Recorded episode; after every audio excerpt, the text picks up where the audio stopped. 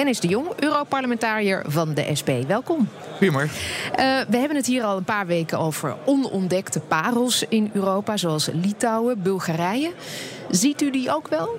dat soort plekken? Ja, het, het is natuurlijk best lastig. Hè? Je hebt andere regels in andere landen. Dus we zijn al heel lang bezig eigenlijk om te zeggen van als ondernemer zou je een, uh, één plek moeten hebben waar je alle informatie krijgt over die regels. Dat is één spoor.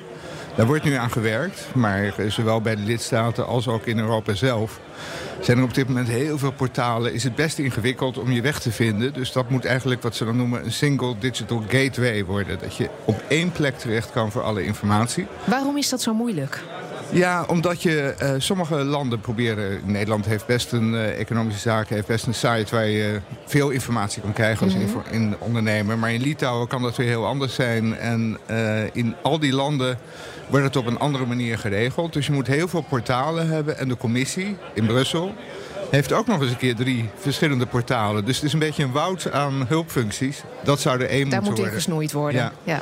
Ja, merkt u wel dat ondernemers al echt, echt aandringen en aan, aan, aan de poort staan... en veel willen weten over die mogelijk nieuwe markten... waar ze zich zouden kunnen ontwikkelen? Ja, je hebt uh, verschillende soorten ondernemers natuurlijk. Hè. De echte, de, de, hele kleine bedrijven, zeg maar van minder dan tien uh, werknemers... die zullen vooral in de eigen omgeving kijken. Daar willen we ook aan denken. Dat ze niet gedwongen worden om allerlei internationale zaken te gaan, hoeven te gaan doen. En als ze over de grens gaan, dan de meeste, als je het vraagt... denken dan aan Duitsland, ja. want grote markt, of België... want daar spreken ze onze taal. Direct in de omgeving, ja. en dat is dan relatief makkelijk. De grote bedrijven, die weten hun weg redelijk te vinden. Die lopen ook wel tegen dingen aan.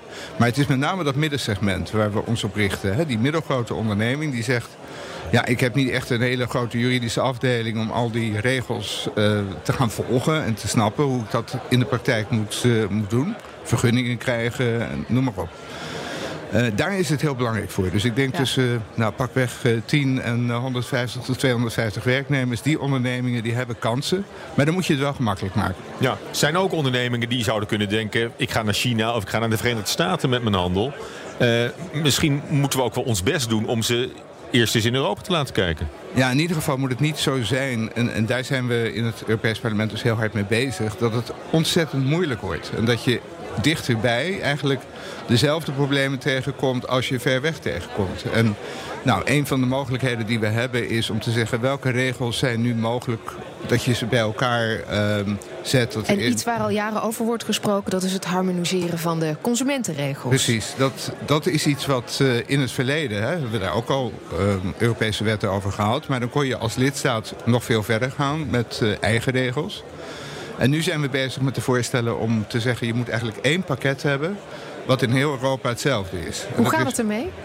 Nou ja, we zijn bijna klaar uh, voor de standpunten van het Europees Parlement. En dan gaan we daarna met de Raad van Ministers onderhandelen. Maar dat zal eind deze maand uh, zal daar de stemming over zijn. En het is op dit moment zo dat we alle regels uh, voor Nederlandse consumenten kunnen in ieder geval hetzelfde blijven of die worden beter. Dus dat is voor de consumenten van belang. En dan gaat het om regels zoals garantiebewijs of zo? Ja, het gaat om alles van het consumentenrecht. Dus jij als bedrijf iets levert aan iemand... dan kunnen daar allemaal dingen omheen zitten. Het, het product kan niet helemaal goed zijn. Of het kan, uh, je krijgt allemaal misschien zaken aan je broek met die consumenten. Dan is het heel belangrijk dat je niet een Poolse wetgeving hebt die totaal anders is dan de Nederlandse mm -hmm. bijvoorbeeld. En daar zijn we nu wel op uit aan het komen. Um, en dan ook nog eens een keer dat we er niet op achteruit gaan in Nederland qua consumentenbescherming. Dus die beide dingen komen nu samen. Eigenlijk. Komt er dan ook een, uh, ja, een Europese consumentenbond? Een, een loket waar iedereen terecht kan? Ja, er is al een Europese consumentenorganisatie. Die zit in Brussel. Die is niet heel groot, maar die verzamelt alle nationale consumentenorganisaties. Die heeft ook wel enige invloed uh, op het uh, besluit. Die, zal ook heel, geeft ook regelmatig mails. Maar ook de bedrijven geven natuurlijk veel mails van dit is voor ons uh, handig en dit is niet handig. Dus in die zin, beide zijn wel betrokken, ook bij de besluitvorming in het parlement. En we zijn dan uh, ja, heel concreet bezig om met die regels, uh, stuk voor stuk, hè, van bijvoorbeeld, moet je nou aangeven op een product hoe lang het meegaat? Nou, dat is nu heel verschillend in landen. Uh, dat kun je, kun je samenbrengen in één regel. Dat je zegt, nee, de fabrikant moet aangeven... bijvoorbeeld die koelkast die moet zo lang mee kunnen gaan. Dan heb je in Nederland garantie voor die levensduur... die economische levensduur van het product.